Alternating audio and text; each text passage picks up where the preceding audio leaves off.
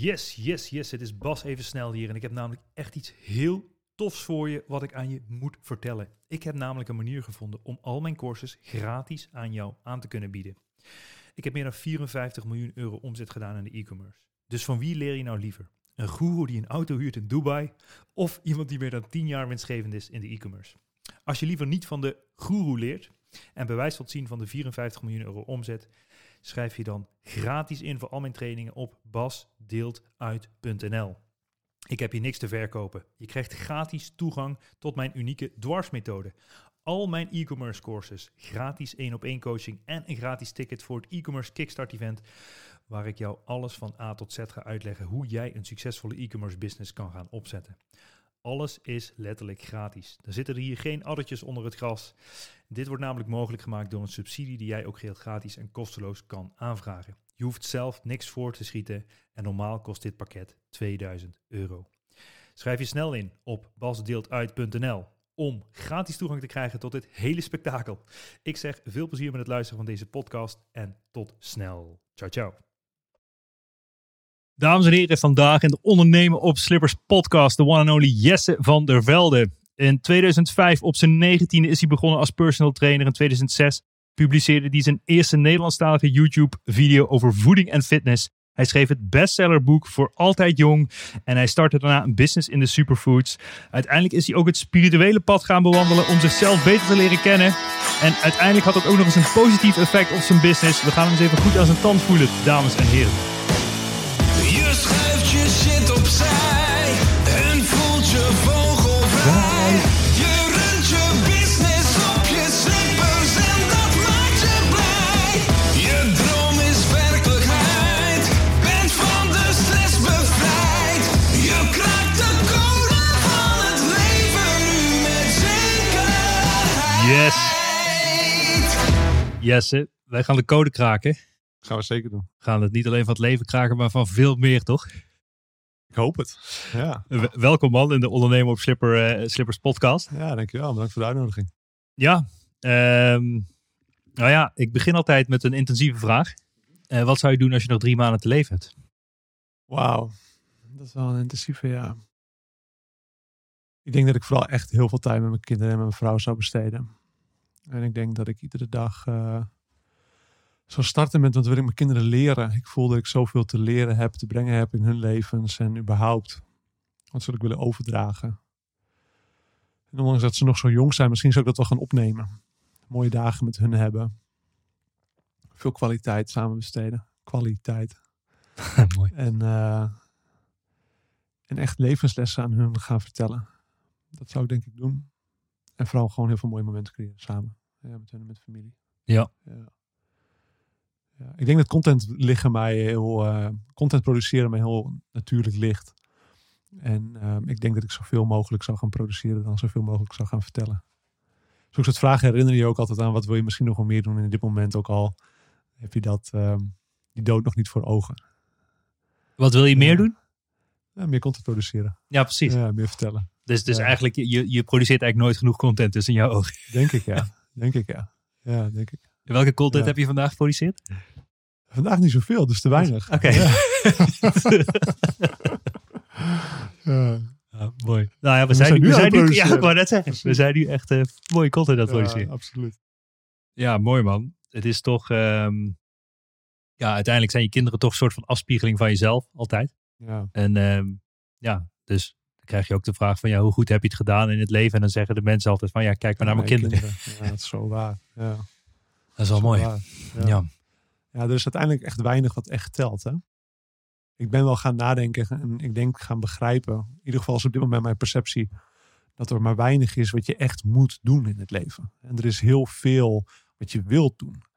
Ik, maar ik denk dat als mensen, zodra mensen zeggen ik moet dit echt doen.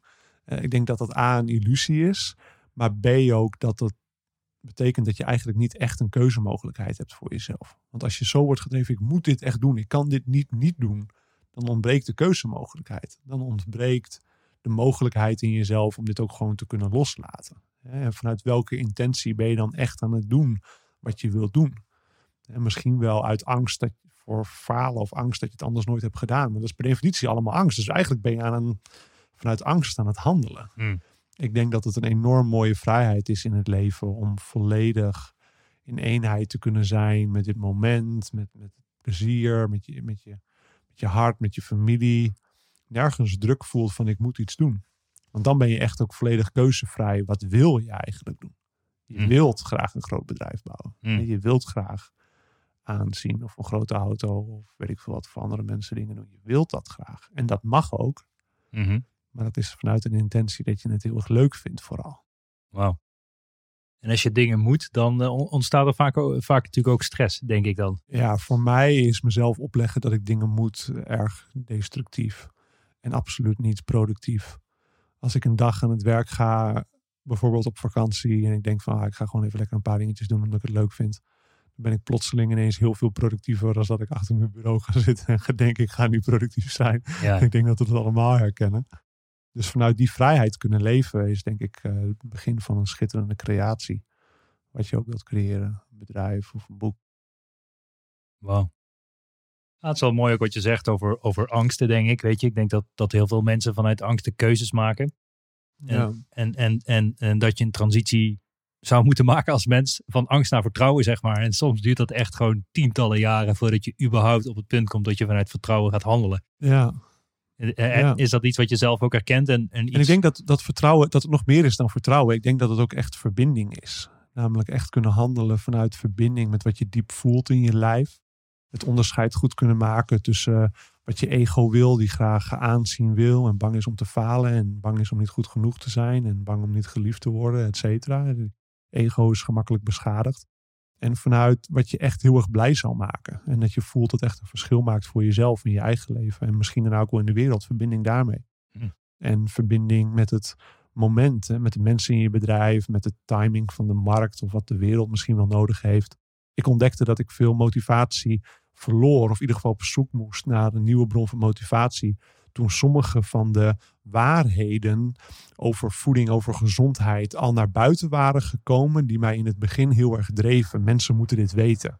En er, was, er is altijd een groot gat tussen wat wetenschap al weet over voeding en gezondheid. En wat de mainstream, de meeste Mhm. mensen weten. Mhm. En bijvoorbeeld ruim 15 jaar geleden, of ongeveer 15 jaar geleden, begon ik al te zien. Je kunt diabetes type 2 heel goed genezen. En was dat voor mij een intrinsieke drijfveer. Ik wil die waarheid naar buiten hebben. En toen ik begon te zien, hé, hey, nu zijn er stichtingen die dit aan het verkondigen zijn. Er zijn andere voedingscoaches en er zijn andere. Het is vrij mainstream aan het worden dat je dat kunt genezen. denk ik, oké, dat is opgelost. Dat is opgelost. Dat hoef ik niet meer te doen. Wauw. Ja. En, en dus vanuit die verbinding kunnen handelen. Vanuit dat is echt het werk wat ik zou willen doen en wat ook nodig is. Is denk ik als ondernemer een heel mooie vraag. Want als je mee kunt bewegen in een veel grotere beweging van dat wat zich aan het ontwikkelen is. Een trend die zich aan het ontwikkelen is. Een nieuwe innovatie die zich aan het ontwikkelen is. Een nieuwe behoefte die mensen aan het krijgen zijn die ze nog niet weten dat ze willen. Of een bepaald bewustzijn dat zich aan het ontwikkelen is onder mensen dan kan je, kan je meegaan bewegen met een heel grote nieuwe golf, met een grote nieuwe beweging. En dat maakt ondernemerschap heel veel gemakkelijker ten opzichte van dat je iets heel moeizaams aan het doen bent, waar je nog heel veel mensen van moet overtuigen, waar ze helemaal nog geen interesse in hebben, wat heel moeizaam zou zijn. Ja, wow. Ja. En die beweging goed aanvoelen en herkennen, is denk ik een intuïtie die we moeten ontwikkelen ook als ondernemers. Ja.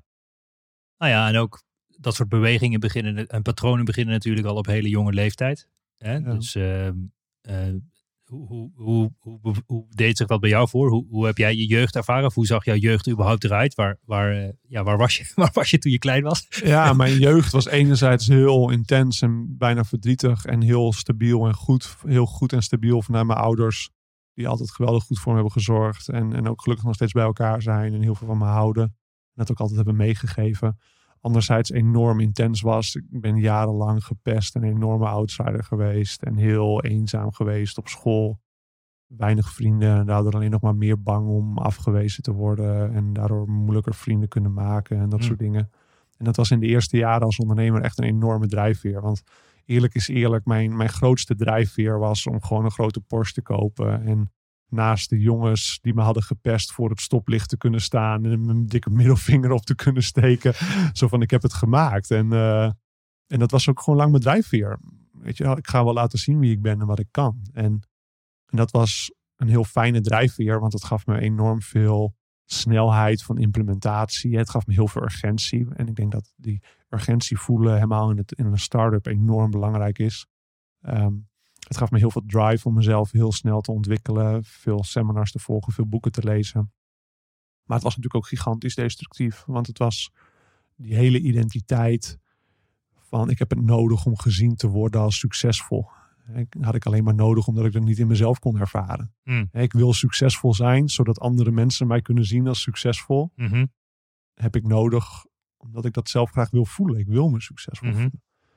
Dus wat ik over mezelf voelde was afhankelijk van hoe een ander mij zag. Ja. En, en dat is heel complex. Dat is heel destructief eigenlijk. En, en, en op een gegeven moment begon, een, begon een nieuw pad, een veel innerlijker pad, om naar mezelf te gaan kijken. Te beseffen, oké, ik ben twintig jaar lang niet gezien. Daarna had ik het tien jaar lang extreem nodig om door anderen te worden gezien. En nu wordt het tijd om mezelf echt te leren zien. Wauw. En dat is zo'n vier, vijf jaar geleden nu. En dat is waar het innerlijke pad voor mij echt begon.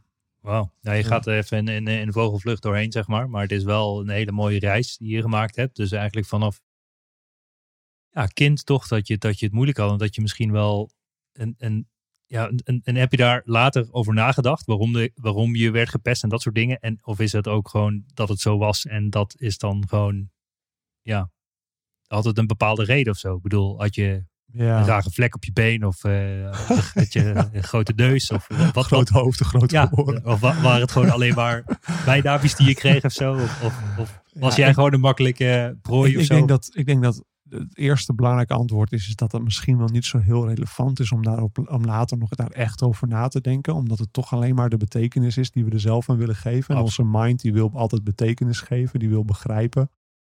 En, en veel ehm, van onze realiteit is onze eigen perceptie van de dingen. Dus het is heel mooi om vooral te voelen, het is goed en dat heeft me ergens gebracht. En ik hoef het verleden niet meer te veranderen. Ik hoef vooral geen perceptie te hebben met, van boosheid op hun die me hebben gepest. Of ik hoef geen verdriet er meer over te hebben. Of ik hoef geen onzekerheid meer te hebben over.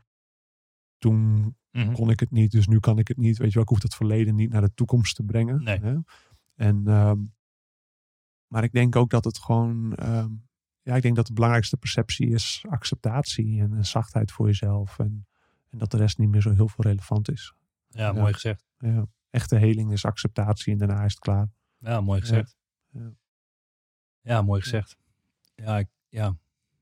Dat, vooral die acceptatie en dat heeft natuurlijk veel tijd nodig. Kijk, dus het doet dan, uiteindelijk is het natuurlijk ook een zelfvertrouwen ding. Want het, het doet natuurlijk een enorme deuk op in je zelfvertrouwen. En op een gegeven moment dan ga je je afvragen van hoe krijg ik nou wel meer zelfvertrouwen. En dat gebeurt vaak doordat er bepaalde dingen dan weer gaan lukken. Ja, Waardoor je weer denkt van wow, yes, chaka. ja.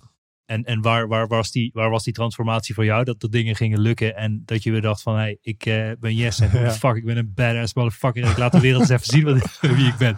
Ja, ik, ik denk dus toen, ik denk dat eh, toen ik voor de tweede keer in HAVO 3 zou blijven zitten, dacht ik dat het wel tijd zou worden om er een beetje wat van te maken. En eh, ehm, toen ging ik naar het CIOS en toen besloot ik wel, nou ga ik hier echt een succes van maken. Maar dat was ook omdat het me gewoon heel veel plezier gaf en ik er echt enorm veel zin in had. En toen begon de gedachte in mij te slopen, ah, misschien kan ik deze vierjarige mbo-opleiding wel in drie jaar doen. Toen begon ik dat ook uit te spreken op een of andere manier leefde dat in mij. Misschien kan ik dit ook wel in drie jaar doen. Alsof ik voor de tijd wilde inhalen. En begon ik aan docenten uit te spreken. Kan ik dit ook in, in drie jaar doen? En ze zeiden, nou, de opleiding is nu net geherstructureerd. Het is voor het eerst vier jaar geworden sinds een paar jaar. En sindsdien heeft nooit meer iemand dit in drie jaar gedaan. Dat kan ook eigenlijk niet meer.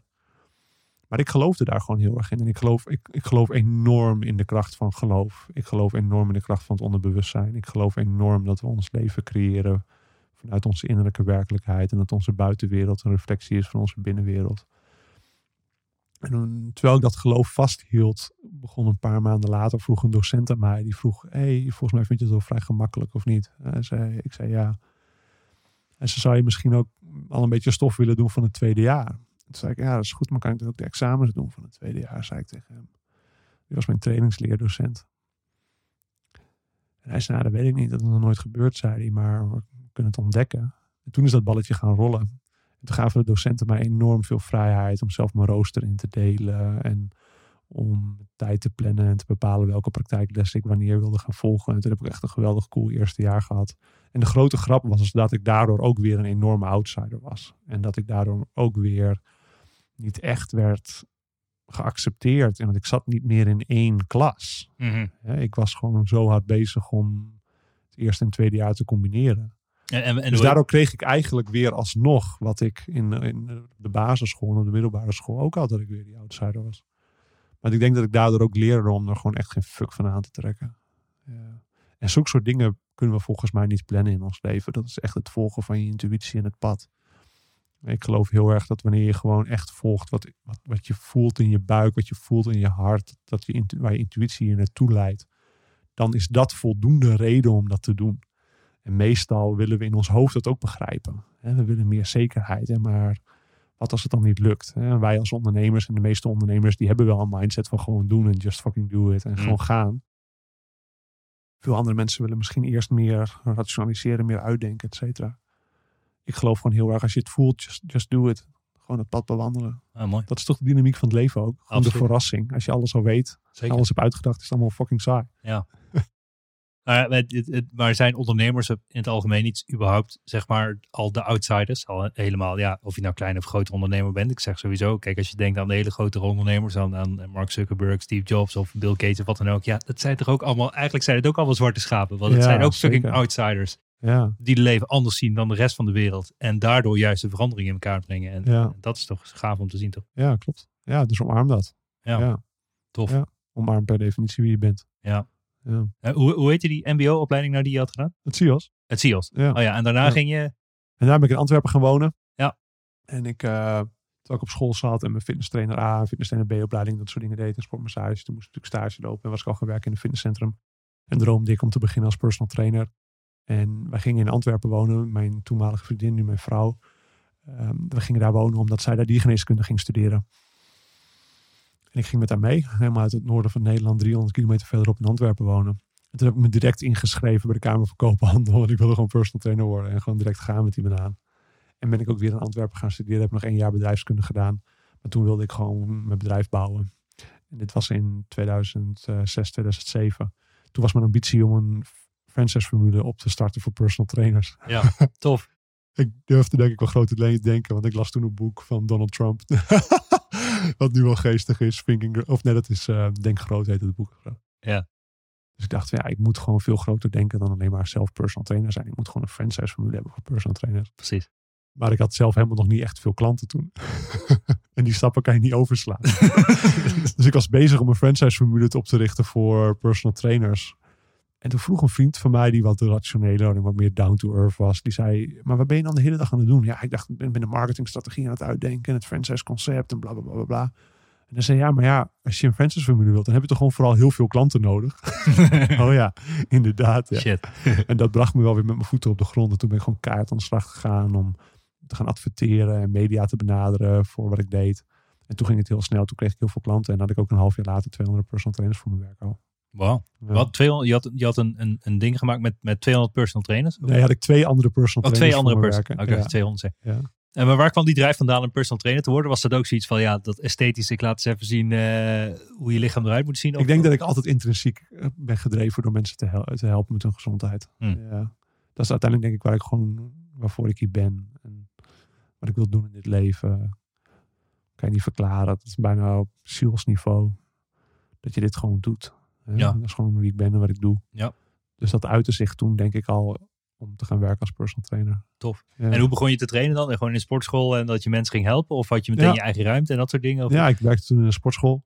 En toen daarna begon, de, begon ik te lezen over de kettlebell, die nog helemaal niet bekend was destijds. Hè. Want Dit is 2006, 2007.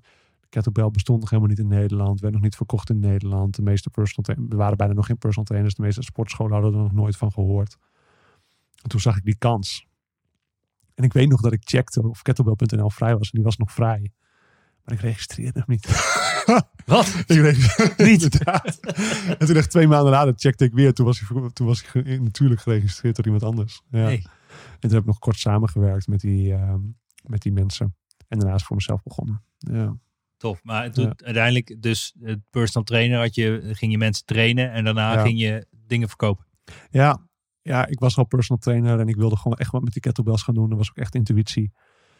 En toen ehm, heb ik een personal trainer een personal training klant van mij gevraagd of hij me geld wilde lenen om een container te kopen. Wat eigenlijk de tweede container was. Ik was toen, eh, ik heb kort samengewerkt met een paar andere mensen, wat, wat, wat niet echt tot iets uitliep. En hij leende me dat geld en leende me iets van ehm 20, 25.000 euro om die, eh, om die container te kopen van, met kettlebells.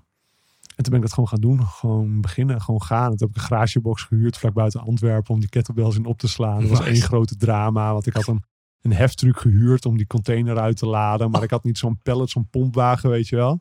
Dus ik kon alleen maar de eerste pallets eruit halen. ik had geen pompwagen om die andere te- pallets naar voren te trekken. En ik had ook nog eens een gewone heftruck voor binnen gehuurd. En dat was buiten. En het was een beetje zo'n grindterrein. Het begon gigantisch te regenen. En die heftruck zat op een gegeven moment vast voor aan de Oh. garagebox. Dat was één grote drama. Maar dat was hilarisch. Zo Ja. beginnen we als ondernemer. Gewoon just do it. Ja. Maar die dingen zijn natuurlijk tyfus zwaar. Als je, dat op, is een pallet, als je dat op een pallet waren zet, nog dan allemaal is- Chinese pallets. En de helft van de pallets was gebroken tussen China en, eh, en Rotterdam. ja, hilarisch. Genieten van. Ja. Maar dan ging je er ook zelf, eh, als, er, als er een kettlebell werd besteld of zo, of wat verkocht je dan? ja, dan toen ben ik een DVD-box gaan maken. Ja. Met, eh, en dat werd de Kettlebell Workout. En dat is het, eerste product waar ik ooit een miljoen omzet mee heb gedaan door de jaren heen. Eh, het is een heel belangrijk product geweest jarenlang voor mijn bedrijf. Een, een DVD-box met vijf trainingsschema's. Of tien, vijf DVD's, tien trainingsschema's met kettlebell oefeningen. De Kettlebell Workout, jarenlang verkocht.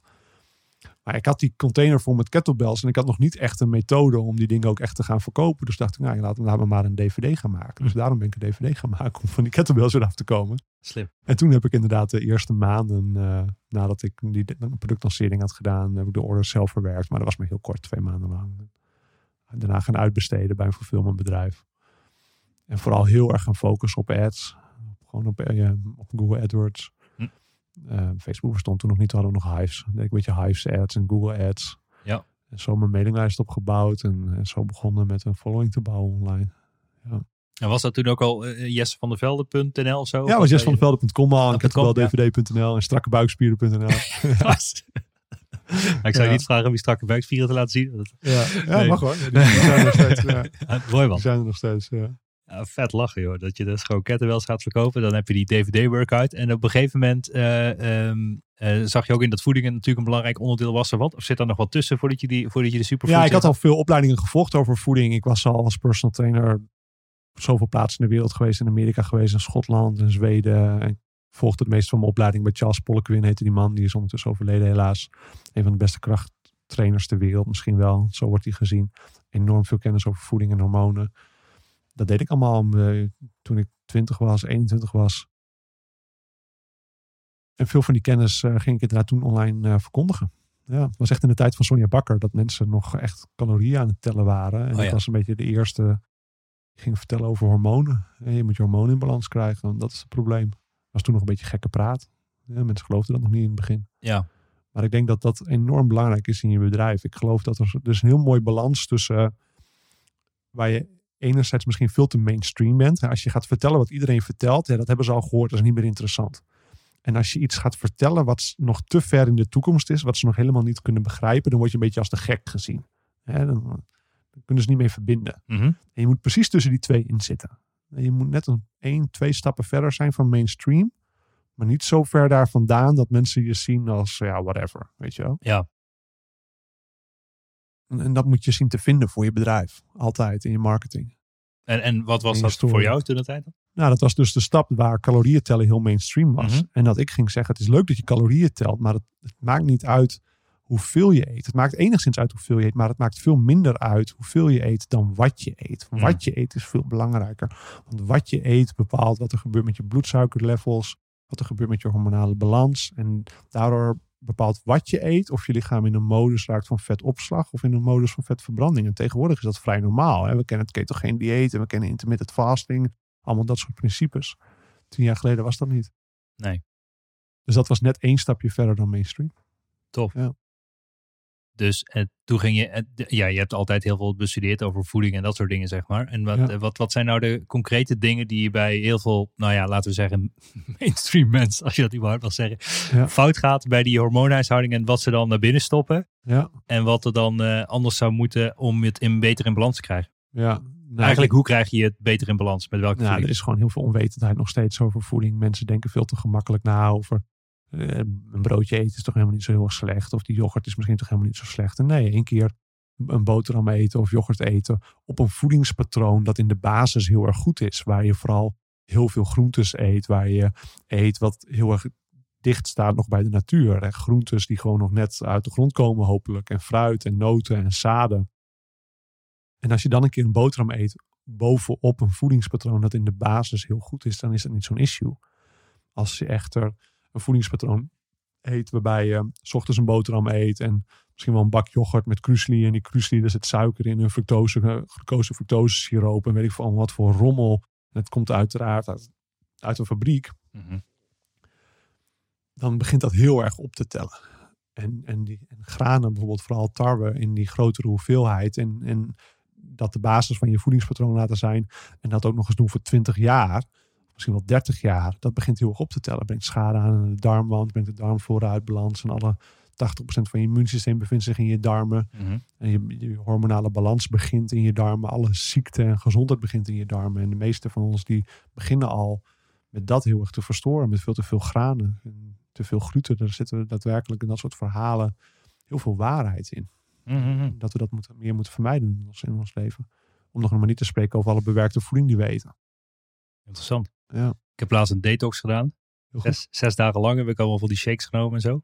En toen kwam letterlijk een soort van, eh, ja, die, die, die, ja, ik noem het de darmwand, maar er zit een soort van vlies in je darm of zo, die je blijkbaar los kan weken met die, dat gebeurde met die detox. Dus er kwam echt een soort van, Een slijmvorming Ja. van allerlei troep wat zich had ja, opgeslagen. ik zal ja. de details sparen, maar het was een heel spektakel wat er buiten kwam. Ja, gelukkig. Ik zag het een beetje als een reset van darm of zo. Is dat, Ja. is dat, is dat ook iets, zeg maar, als je dan bij wijze van spreken een, een hele tijd lang, bij wijze van spreken, zoals je zegt, te veel gluten gaan en dat soort fratsen vergeet. En je doet dan zo'n detox, wat letterlijk dus even het systeem opschonen is. En je Ja. gaat bij wijze van spreken daarna alleen maar eh, broccoli en, eh Ja. en no notenzaden en de, de, de dingen die dan beter zijn voor je eten. Ja, een detox moet je goed voorbereiden, omdat het lichaam kan nog niet klaar zijn om te detoxen. Veel mensen hebben zonder dat ze het weten tekorten aan voedingsstoffen. We hebben tekort aan vitamine D, omdat maar de helft van het jaar de zon sterk genoeg is überhaupt om voldoende vitamine D in je huid om te zetten Hmm. vanuit zonlicht. Veel mensen hebben tekort aan magnesium, omdat we zoveel stress hebben en dan meer magnesium verbruiken. Want magnesium ontspant het zenuwstelsel. Dus compenseert feitelijk voor stress. Dus hoe meer stress we hebben, hoe meer magnesium we verbruiken, hoe sneller we een tekort hebben. En we eten niet voldoende de groentes en de noten en de zaden om, de- om dat voldoende uit onze voeding te halen. En daardoor, dat zijn tekorten die veel mensen hebben. En om nog maar niet te spreken over tekort aan andere mineralen. Simpelweg omdat we A, niet eens voldoende groente eten voor wat wordt aanbevolen. Want je eet niet 200, 300 gram groente per dag. Dat is, de meeste mensen doen dat niet. Volgens de Nationale Voedselconsumptiepeiling doet maar 2% van de Nederlanders komt dagelijks aan de norm voor voldoende groente en fruit. Ga maar eens na, 300 gram groente op je bord leggen is behoorlijk veel. Mm. En dat dan vervolgens ook iedere dag doen. Dus we komen daar niet aan. En daardoor hebben we geen levensbedreigende tekorten. Als je naar de huisarts zou gaan en je zou vragen: heb ik een tekort aan vitamines of mineralen? Dan gaat hij, en als hij dat dan al zou testen, dan zit je waarschijnlijk niet onder de norm die de huisarts stelt, of die in Nederland wordt gesteld. Maar je zit waarschijnlijk ver onder de norm voor optimaal. En dat is een heel groot verschil tussen die twee. En daardoor kan het lichaam minder goed ontgiften. Je lichaam heeft, je hebt vitamine C, vitamine E, B-vitamines nodig. Je hebt calcium, ijzer, zink en andere mineralen nodig voor de lever om goed te kunnen detoxen. En omdat de lever minder goed kan detoxen, maar je wel veel wordt blootgesteld aan toxische stoffen in je shampoos en verzorgingsproducten en in onze leefomgeving en een rook dat je inhaamt en weet ik veel wat, gaat het lichaam die toxische stoffen opslaan in vetcellen, omdat ze ze niet goed kunnen afbreken. Dus voordat je gaat detoxen moet je zorgen dat je eerst die voedingsstoffen weer goed aanvult. Dat je, zorgt dat je lever klaar is om te gaan detoxen. En daarom kan je beter ook gewoon geleidelijk gezonde voeding opbouwen in de eerste maanden. Groene smoothies gaan drinken, meer salades gaan eten. Meer groentes misschien gaan stomen of in de oven doen. Maar gewoon veel meer groentes in je voedingspatroon brengen. Dagelijks noten en zaden. En dan breng, bereid je je lichaam goed voor.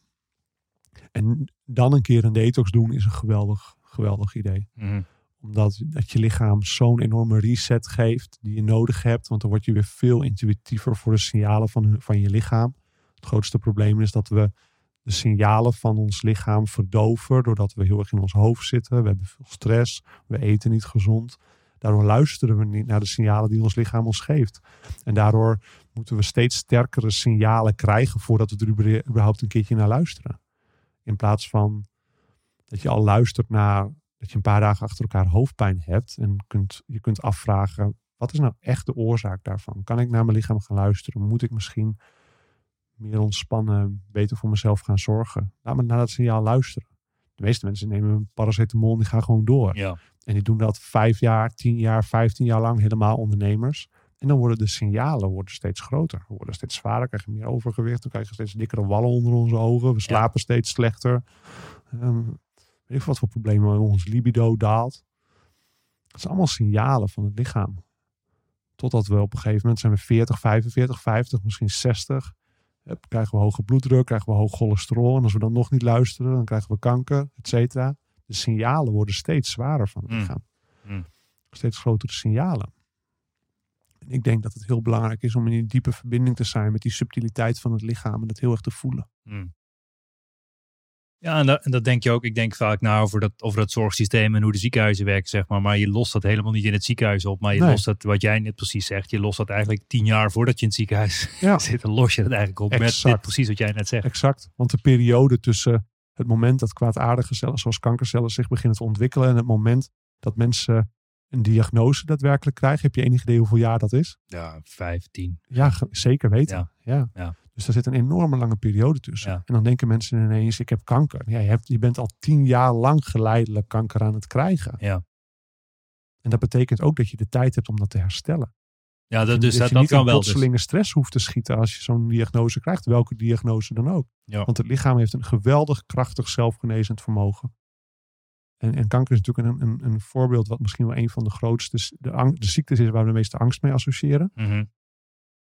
Maar er zijn wereldwijd honderden, zo niet duizenden voorbeelden van mensen die zijn afgeschreven. Namelijk, ik kan niks meer voor je doen. Je gaat dood over drie maanden of over zes maanden. En die weten te herstellen. Die besluiten, ik geef niet op. En die dan voedingspatroon gaan verbeteren. Op zoek gaan naar een holistische arts. Naar de kwaliteit van leven gaan kijken. Hun gaan aarden, gaan koud douchen. Gaan zorgen dat ze vitaminetekorten aanvullen. Zorgen dat ze hun immuunsysteem versterken. Op alle mogelijke manieren die daarvoor bekend zijn. En die dat weten op te lossen. Wauw.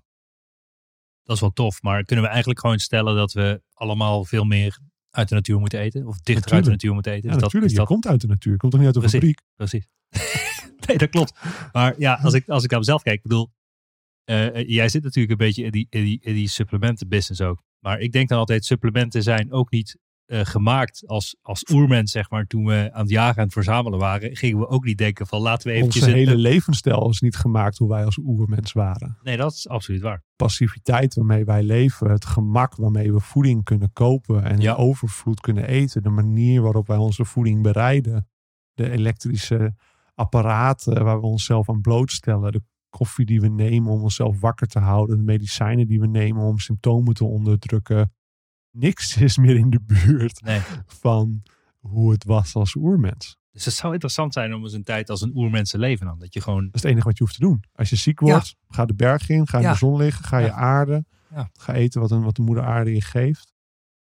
En, maar wacht vooral niet totdat je ziek wordt om dat te gaan doen. Nee. En dit is ook, ondanks dat mijn, een groot deel van mijn bedrijf supplementen is, is dat absoluut niet de volgorde waarin ik de boodschap verkondig. Nee. Prioriteit Nee, is absoluut altijd eerst zorg voor je darmgezondheid door veel groentes te gaan eten en meer weer gefermenteerde voeding in je voedingspatroon te gaan brengen. Zorg dat je veel meer water gaat drinken. Zorg dat je koud gaat douchen. Zorg dat je gaat trainen en gaat bewegen. En met je blote voeten op de aarde loopt. En dat je tot rust komt. Dat je het leert om, om, die, om die, de spanning die in je lijf zit, om dat los te laten. Hmm. Dieren hebben een heel hebben een systeem om hun fight-or-flight mechanisme, hun stressmechanisme uit te schakelen. Als een kudde zebra's op de vlucht moet omdat ze worden aangevallen door een leeuw en het gevaar is geweken, dan zie je die zebra's zie je een paar minuten later gewoon weer staan grazen. En wij hebben, als we een heel stressvolle dag hebben gehad, dan kan je die spanning nog zo lang in je lijf voelen. En dan weet ik veel, heb misschien wel een biertje of een wijntje nodig om een beetje te ontspannen. En gaan Netflixen of misschien wel heel veel gaan vreten. Om maar een beetje weer tot rust te komen. Wij hebben minder. Wij hebben niet zoals dieren een switch waarmee we ons fight-or-flight systeem in één keer uit kunnen zetten. En wij moeten dat gaan doen. Voor ons is die switch is je ogen sluiten en naar binnen gaan kijken, gaan mediteren, gaan diep gaan ademen, weer in Mm. verbinding komen. En misschien wel een sauna doen of gewoon lekker met je rug in het gras te liggen en je in overgave weer te komen. Lekker bovenop de grote moeder aarde te liggen. Ja. Te ontspannen bovenop de grote moeder. Ja, lekker. En, en dat dienen we bewust te doen. Maar de meeste van ons die maken onbewuste keuze om ongezond te gaan eten. Om alcohol te consumeren, om te gaan roken, om tv te gaan kijken. Dingen die juist die heel, heel veel worden gebruikt om te ontspannen.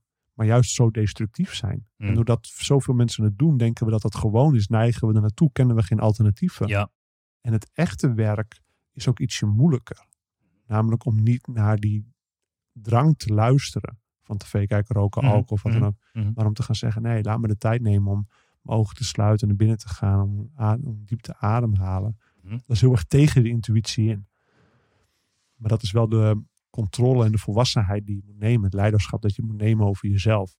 Ja, dit is denk ik heel krachtig wat je zegt. En ik geloof er ook in dat we allemaal kuddedieren zijn. En dat iedereen denkt van, ah ja, iedereen drinkt toch bier? En Ja. iedereen neemt toch Mars, en Snickers en Ja, chips? En dan word je dus een statistiek. Ja. En wat zijn de statistieken? Ja. 30% kans op hart- en vaatziekten, 50% Ja. kans op overgewicht, want 50% van de Ja. mensen heeft overgewicht. Ja. Het grootste gedeelte van de mensen is de laatste 10, 20 jaar van hun leven ziek.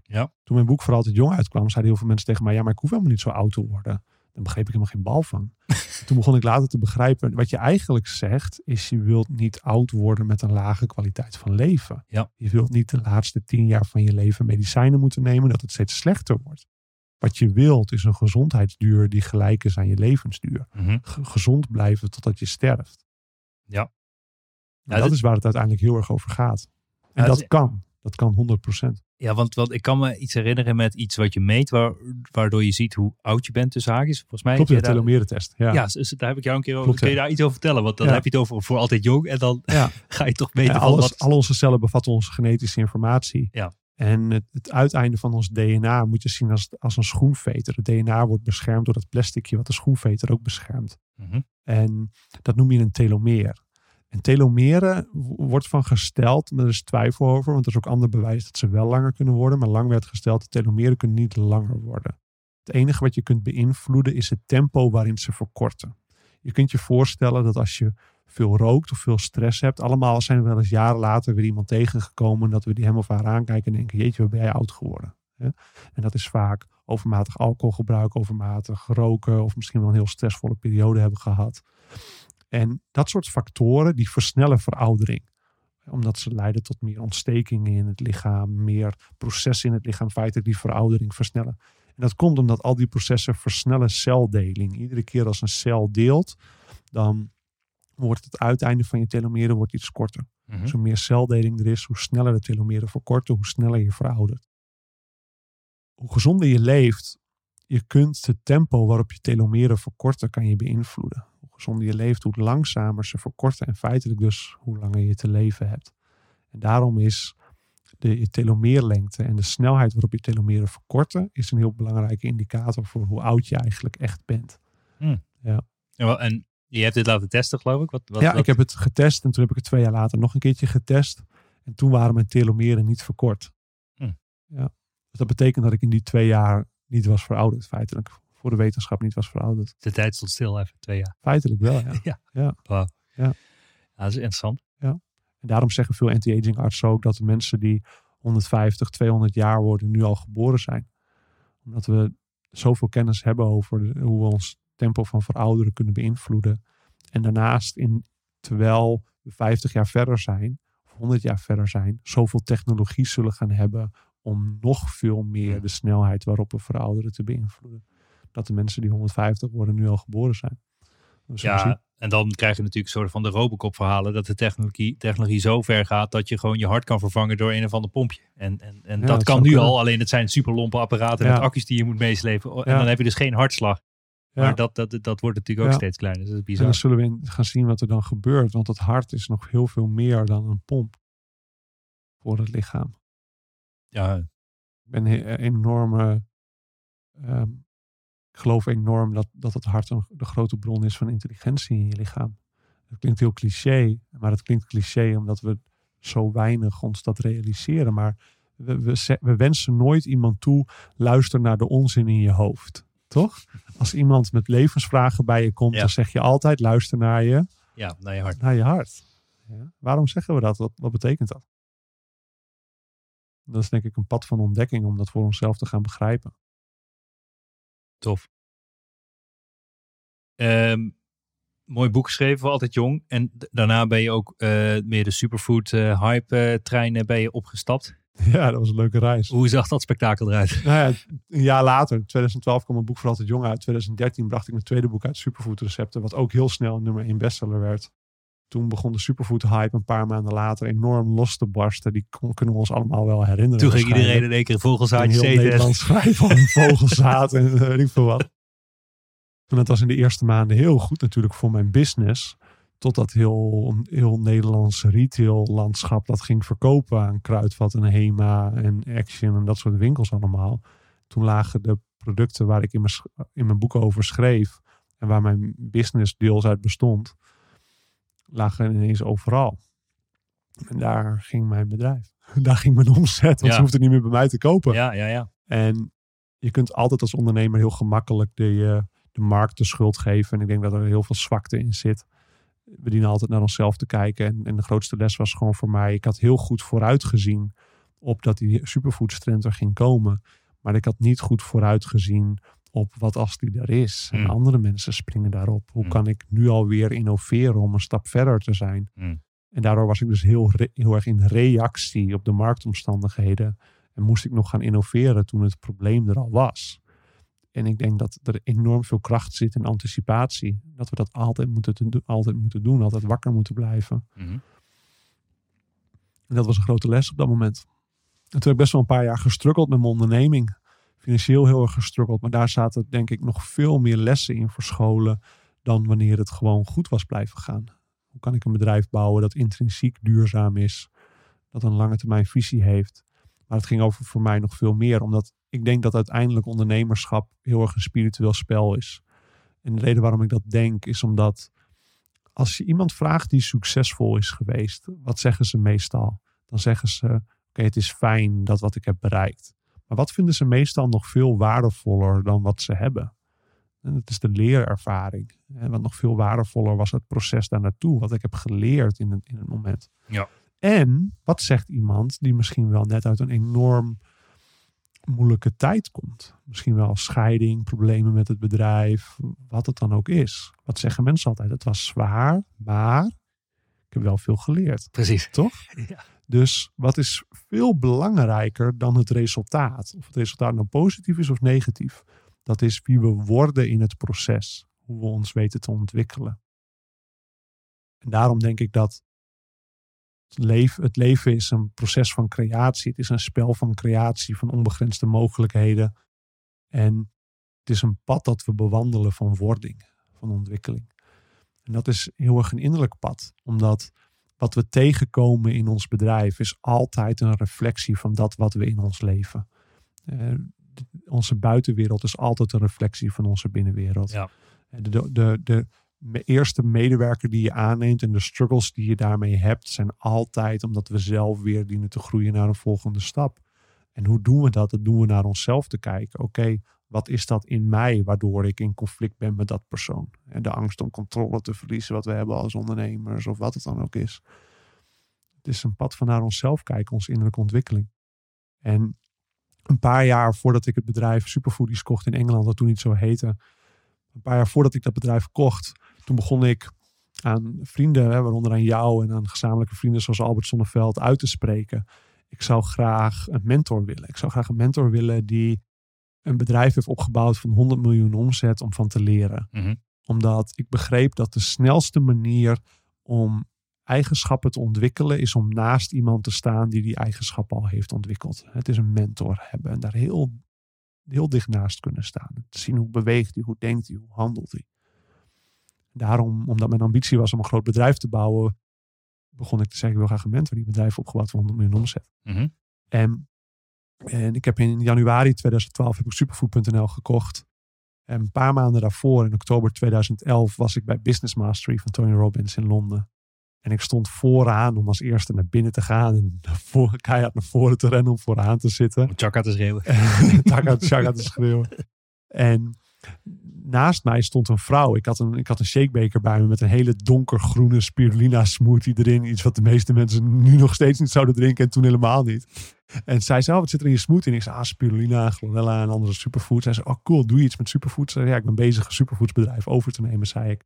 En zei, oh, dat is leuk. Ik heb een superfoodsbedrijf hier in Engeland, Detox Your World. En we waren de eerste in 2000 om superfoods te gaan importeren naar de UK. Ik zei, oh leuk, zullen we straks gaan lunchen? En wij met elkaar lunchen. En ik merkte tijdens het gesprek dat ze afstand begon te nemen van het bedrijf. En ik zei, hey, zou je bedrijf niet willen verkopen? Want superfood.nl, wat ik aan het overnemen was, was gewoon een webwinkeltje, was gewoon handel. En voor verpakte goederen doorverkopen feitelijk. Maar zij had al een biologisch gecertificeerde productieunit waar ze de grondstoffen in kocht en zelf verpakte en produceerde. En ik zag natuurlijk perfect die combinatie. Dus ik vroeg aan haar, wil je je bedrijf verkopen? En zij zei, nou, nog niet verder vertellen, maar we hebben het al in de stille verkoop gezet. En toen dacht ik, nu heb ik iemand nodig om, om dit bedrijf over te nemen. Want het bedrijf was veel groter dan het mijn bedrijf was. En ik had het bedrijf nog niet eens overgenomen op Nee. dat moment. Nu heb, ik, nu heb ik iemand nodig om het te financieren. En dat was ook een moment dat ik dacht, oké, als de law of attraction werkt, als we inderdaad zo'n wet van aantrekking hebben, laten we dat dan, laat me dat dan nu gaan testen. Laat me gaan testen of ik kan visualiseren en aan het universum kan overgeven, kan loslaten. Help mij om iemand te vinden. En via Albert Sonneveld, die had een, een vriend van hem, eh, waarmee hij eh, uit eten was. En Albert eh, die zei, ja, ik ben ook begonnen in de superfoods. Want Albert en ik zijn oorspronkelijk zelf het bedrijf, eh, samen het bedrijf begonnen. En toen zei die vriend van hem, ah, superfoods, dan moet je deze man ontmoeten. Want die heeft net een bedrijf in biologische levensmiddelen verkocht. En die is eigenlijk met pensioen, maar misschien kan die je wel helpen. Zo ontmoette ik mijn latere zakenpartner.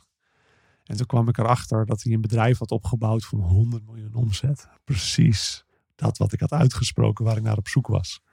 Samen met hem heb ik een bedrijf overgenomen. En de reden waarom ik dit vertel, is omdat dat dat, dat een heel mooie start was. Maar zo'n mentorschap, en dus hetgeen wat we aan het doen zijn in het leven. Voor mij was dat het mentorschap in dat bedrijf. Dat gaat over zoveel meer dan wat we formuleren als doel. We zeggen, we starten een bedrijf op voor die en die reden. Financieel vrij worden of succesvol worden of iets moois bouwen of wat dan ook. Oké, prima. Dat zijn de uiterlijke doelen. Hè. Je zegt, ik verkoop dat product of ik verleen die dienst, wat dan ook. Dat zijn de uiterlijke doelen. Maar het gaat dus, omdat het een pad is van wording en een pad over ontwikkeling, gaat het over zoveel meer dan dat product dat we verkopen, dan dat wat uiterlijk vorm krijgt. En we dienen ons dat te beseffen. De problemen die zich voordoen in het bedrijf zijn een reflectie over waar wij te groeien hebben. Waar Hmm. wij te leren hebben als mensen. En dat hele mentorschap was dat ook. Het hele mentorschap in de periode dat het zo moeilijk ging in de bedrijven. Was voor mij de grootste leerschool. En kan je daadwerkelijk 100% je aandacht geven aan wat nu op dit moment in je leven gaande is. Want ik was altijd zo ambitieus, zoveel dingen willen doen, zoveel dingen tegelijkertijd doen, overambitieus, te veel projecten tegelijkertijd starten, wat natuurlijk het typische ondernemerssyndroom is. Maar waarom? Waarom doe je dat? Mm. Uit angst dat het niet snel genoeg gaat, uit angst dat het anders niet genoeg is, uit angst waarvoor. Waarom, waarom heb je een probleem met focussen? Je kunt wel zeggen, ik heb, moet meer focussen. Maar vanuit waar doe je zoveel dingen tegelijkertijd? Opnieuw, innerlijk pad. En al die problemen waren natuurlijk een reflectie van niet kunnen focussen. Maar ze waren ook een enorme gelegenheid om echt te leren focussen. Hmm. Kan je met je volle aanwezigheid zijn bij wat zich nu voortdoet in je leven. In plaats van te denken, ah, dat los ik later wel op. Weet je wel? Of ja, we, moeten, we hebben meer geld nodig. We hebben nieuwe investeerders nodig. Of nieuwe investering nodig. En het, het probleem maskeren met geld. Maar wat is het in mij? Wat ik, wat ik dien te ontwikkelen. Wauw. En ik haatte het proces. Ik vond het vreselijk. Ik had het bedrijf overgenomen. Er moest geld bij. En ik, ik verzette me er alleen maar tegen. Ik vond het niet leuk. Ik ging harder werken met mijn informatiebusiness. En mensen helpen met hun gezondheid. En daar verdiende ik geld. Maar tegelijkertijd ging ik daar mijn focus aan naartoe leggen. En was ik het probleem wat in het superfoodbedrijf was aan het negeren. Kan je dat allemaal loslaten? Dat wat je denkt dat je moet doen, de ambities die je daar hebt. Kan je dat wat gaande is in je leven je volle aandacht geven? En, en dat kwam precies samen met het begin van mijn spirituele pad. Een vriend me meenam naar, mijn, naar een oude shamaan. Dat later mijn shamanistisch mentor werd. En mijn hele leven stond op, stond op zijn kop toen dat begon. En ik besefte me het meest spirituele om te doen. Is gewoon met je poot in de klei staan. Je schouders eronder zetten. Het volle aandacht geven. En just fucking do it. Mm. En niet met je hoofd zitten in de toekomst. En ah, als we dit doen en we bereiken dat doel, hebben we al onze problemen opgelost en bla bla bla. Just aandacht, presence.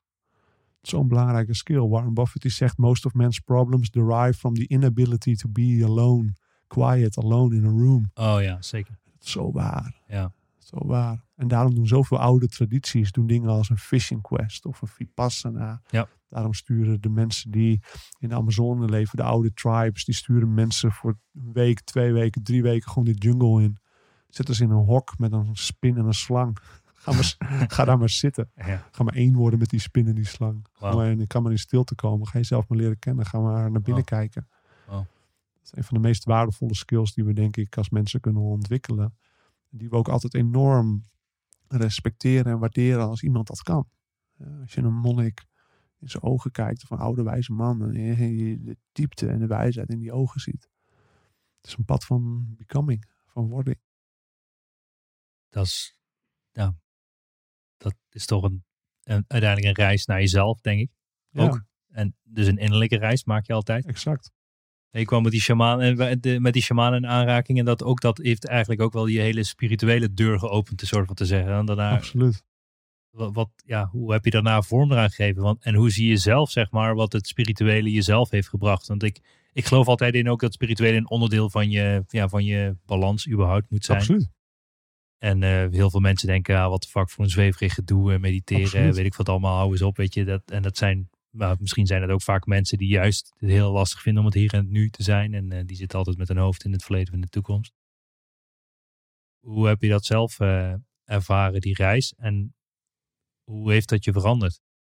Ik denk dat het me veel eerlijker vooral heeft gemaakt. Dat het me veel.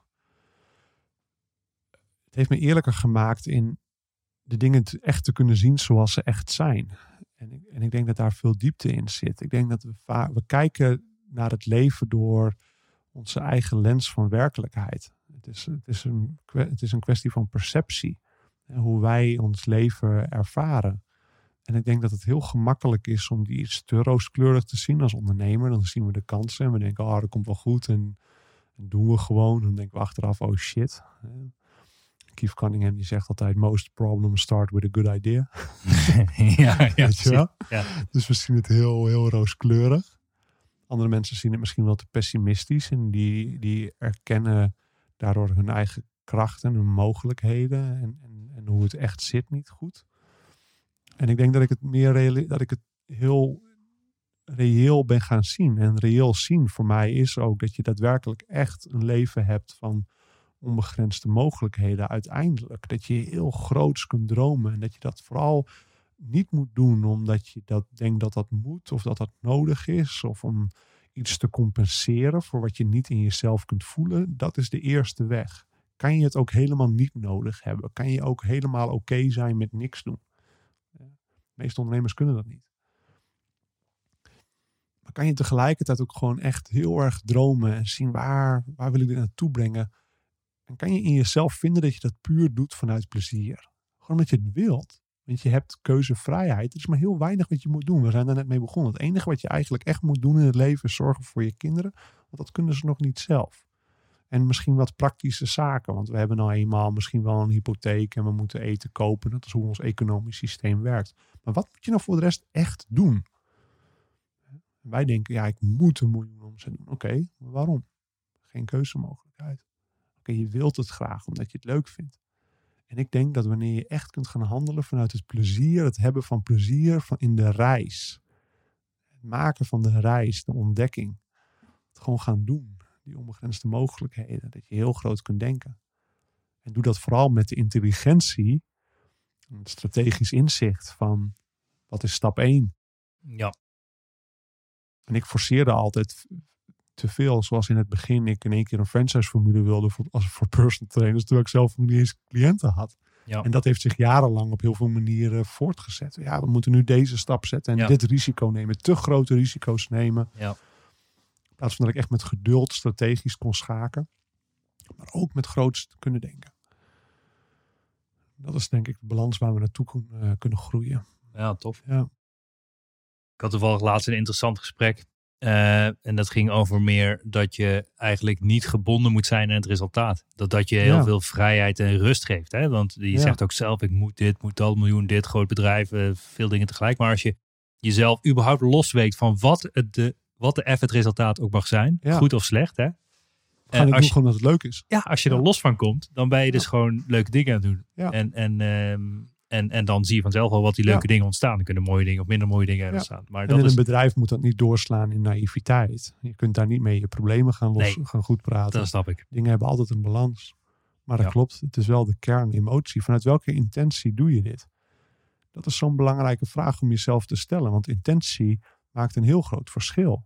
Eh, Ga maar eens na als je, in het voorbeeld van geld, als je geldproblemen hebt en iemand komt naar je toe en je zegt hier is 2000 euro, ik heb gehoord dat je het slecht hebt en ik hou van je, ik doe dit vanuit mijn hart, ik wil gewoon echt dat je dit hebt en hier is het.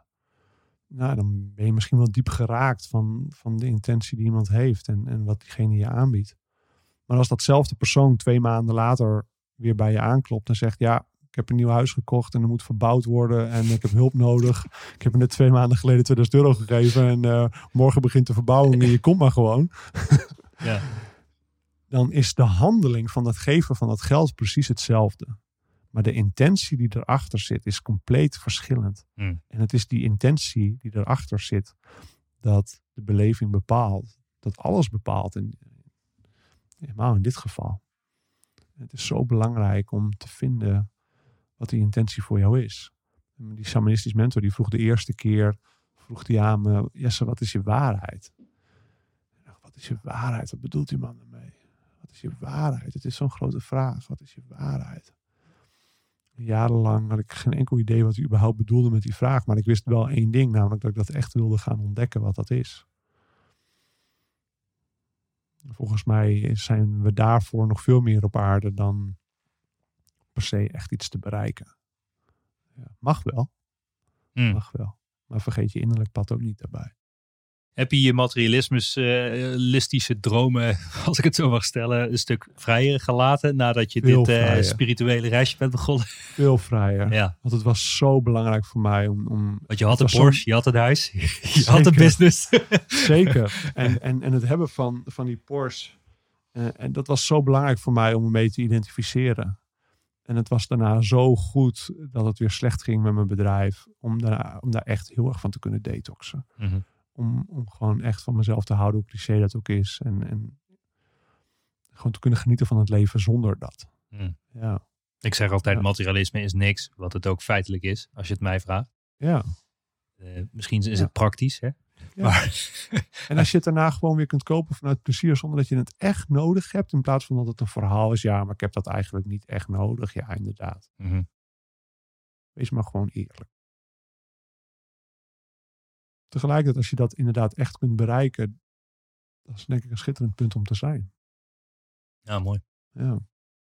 En wat zou je mensen aanraden die, die eh, ja, zeg maar nu denken van oké, dit klinkt allemaal leuk, maar hoe begin ik dat? Hoe begin ik die reis naar binnen? Hoe word ik eerlijker naar mezelf toe? Eh, hoe begin je die spirituele tocht naar jezelf? Ja, heb je De daar... realiteit is dat je al bent begonnen. Ja? Ja, ik ben begonnen als je, toen je Je- geboren was, je, toch? Je bent, je bent begonnen voordat je was geboren. Ja. Ja, ook dat. Ja. Ja. Blijkbaar heb je je weg hierheen gevonden. En, en, en ook praktisch ben je al begonnen hier, want, want je bent dit aan het luisteren. Je bent al een pad aan het ontwikkelen, van, aan het bewandelen van persoonlijke ontwikkeling. Ja. En als je dan dat pad verder wilt verdiepen, dan denk ik dat het gaat over stilte. Gaat over vaker de natuur in wandelen, je ogen sluiten. En het simpele principe beoefenen van geef het je adem. Simpelweg kan je gewoon alleen zijn met je adem Mhm. iets nodig hebben. Gewoon ademen, gewoon stil zijn. Wat gebeurt er dan? Kan je gewoon, het gaat niet over in meditatie over dat je niks mag denken. Het gaat er niet over dat je niks mag voelen. Maar kan je gewoon zijn met dit moment. En komen op dat punt dat je daar helemaal oké mee bent. Het is niet vreemd dat het je misschien wel een paar jaar kost voordat je daarbij kunt zijn. Kan je helemaal oké zijn met de problemen die er misschien zijn in je leven. Want dan pas is er volledige acceptatie. Mhm. Dat is niet het negeren. Want dat betekent niet dat je daarna niet meer handelt. Mhm. Maar dat je emotioneel oké kunt zijn met hoe het nu is. Mhm. Dat je het niet, dat je niet versneld uit hoeft te vluchten. Ja. Dat je het niet negeert. Dat je niet als een stresskip gaat lopen vechten en doen. Maar gewoon echt present ermee kunt zijn. Ja. En daarna echt kunt besluiten wat is strategisch en ook op korte termijn de juiste stap om eruit te handelen. Dat is leren genieten van het proces. En toen ik dat voor de eerste keer hoorde, toen iemand dat tegen me zei, dacht ik, fuck you, genieten Ja. van het proces. Ja. Weet je wel, ik haat het Ja. proces. Wat zijn er nou weer voor hoeha-uitspraken? Maar het is zo waar. Ja. Het is zo waar. Ja. Want je kunt niks veranderen in je leven waar je je tegen verzet. Dat werkt gewoon niet. Dat werkt, dat is onmogelijk. Dat is onmogelijk. Ik kwam laatst een mooie uitspraak tegen. En dit, dit sluit hier precies op aan. Want er stond silence gives answers. Weet je, dus als je die stilte ingaat, dan krijg je eigenlijk alle antwoorden. Terwijl je, tot, eh, totdat je die stilte opzoekt, zeg maar, ben je eigenlijk als een soort van, ja, een kip zonder kop misschien wel aan het rennen of zo. En als je Ja, die stilte wel durft te vinden, dan krijg je Ja. de antwoorden. En het- ja, ik denk in, ook, in jouw reis is dat misschien ook wel eh, zo dat toen je de stilte durfde te omarmen, dat je toen de antwoorden kreeg die je misschien zocht. Of de exact. reis naar jezelf en dichter bij jezelf bent gaan Exact. staan. En exact. beter hebt gezien waar je mee bezig bent. En eh, Ja. gaaf om te zien, man. Het is het vermogen om te kunnen uitzoomen, om echt afstand te kunnen nemen, om echt perspectief te kunnen krijgen ten Ja. opzichte van ergens helemaal in te zitten. Ja. En dat geeft je de gelegenheid om goede beslissingen te nemen. En daarom hoor je succesvolle mensen ook altijd zeggen dat ze zoveel lezen en, en of mediteren of wat dan ook doen wat voor hun heel goed werkt. Tof, man. Ja, Thanks voor dit eh, ja, een mooi verhaal, toch? graag gedaan. Ja, ik hoop echt dat, dat, ja, dat veel mensen er iets aan gehad Ja. hebben. Ik ben, Wil je nog wat weten? Wil je nog wat weten voor jezelf? Nou ja, sowieso. Ik ben altijd wel... Kom meer- wees een beetje kwetsbaar. ja, kwetsbaar. Ik, ben, ik zit zelf ook wel meer in het, in het spirituele pad, weet je. Ik probeer eh, ook steeds meer te mediteren. En eh, nou, het lukt me toch wel om een half uurtje, drie kwartier stil te zitten, zeg maar, op mijn eh, meditatiekussentje. Mhm.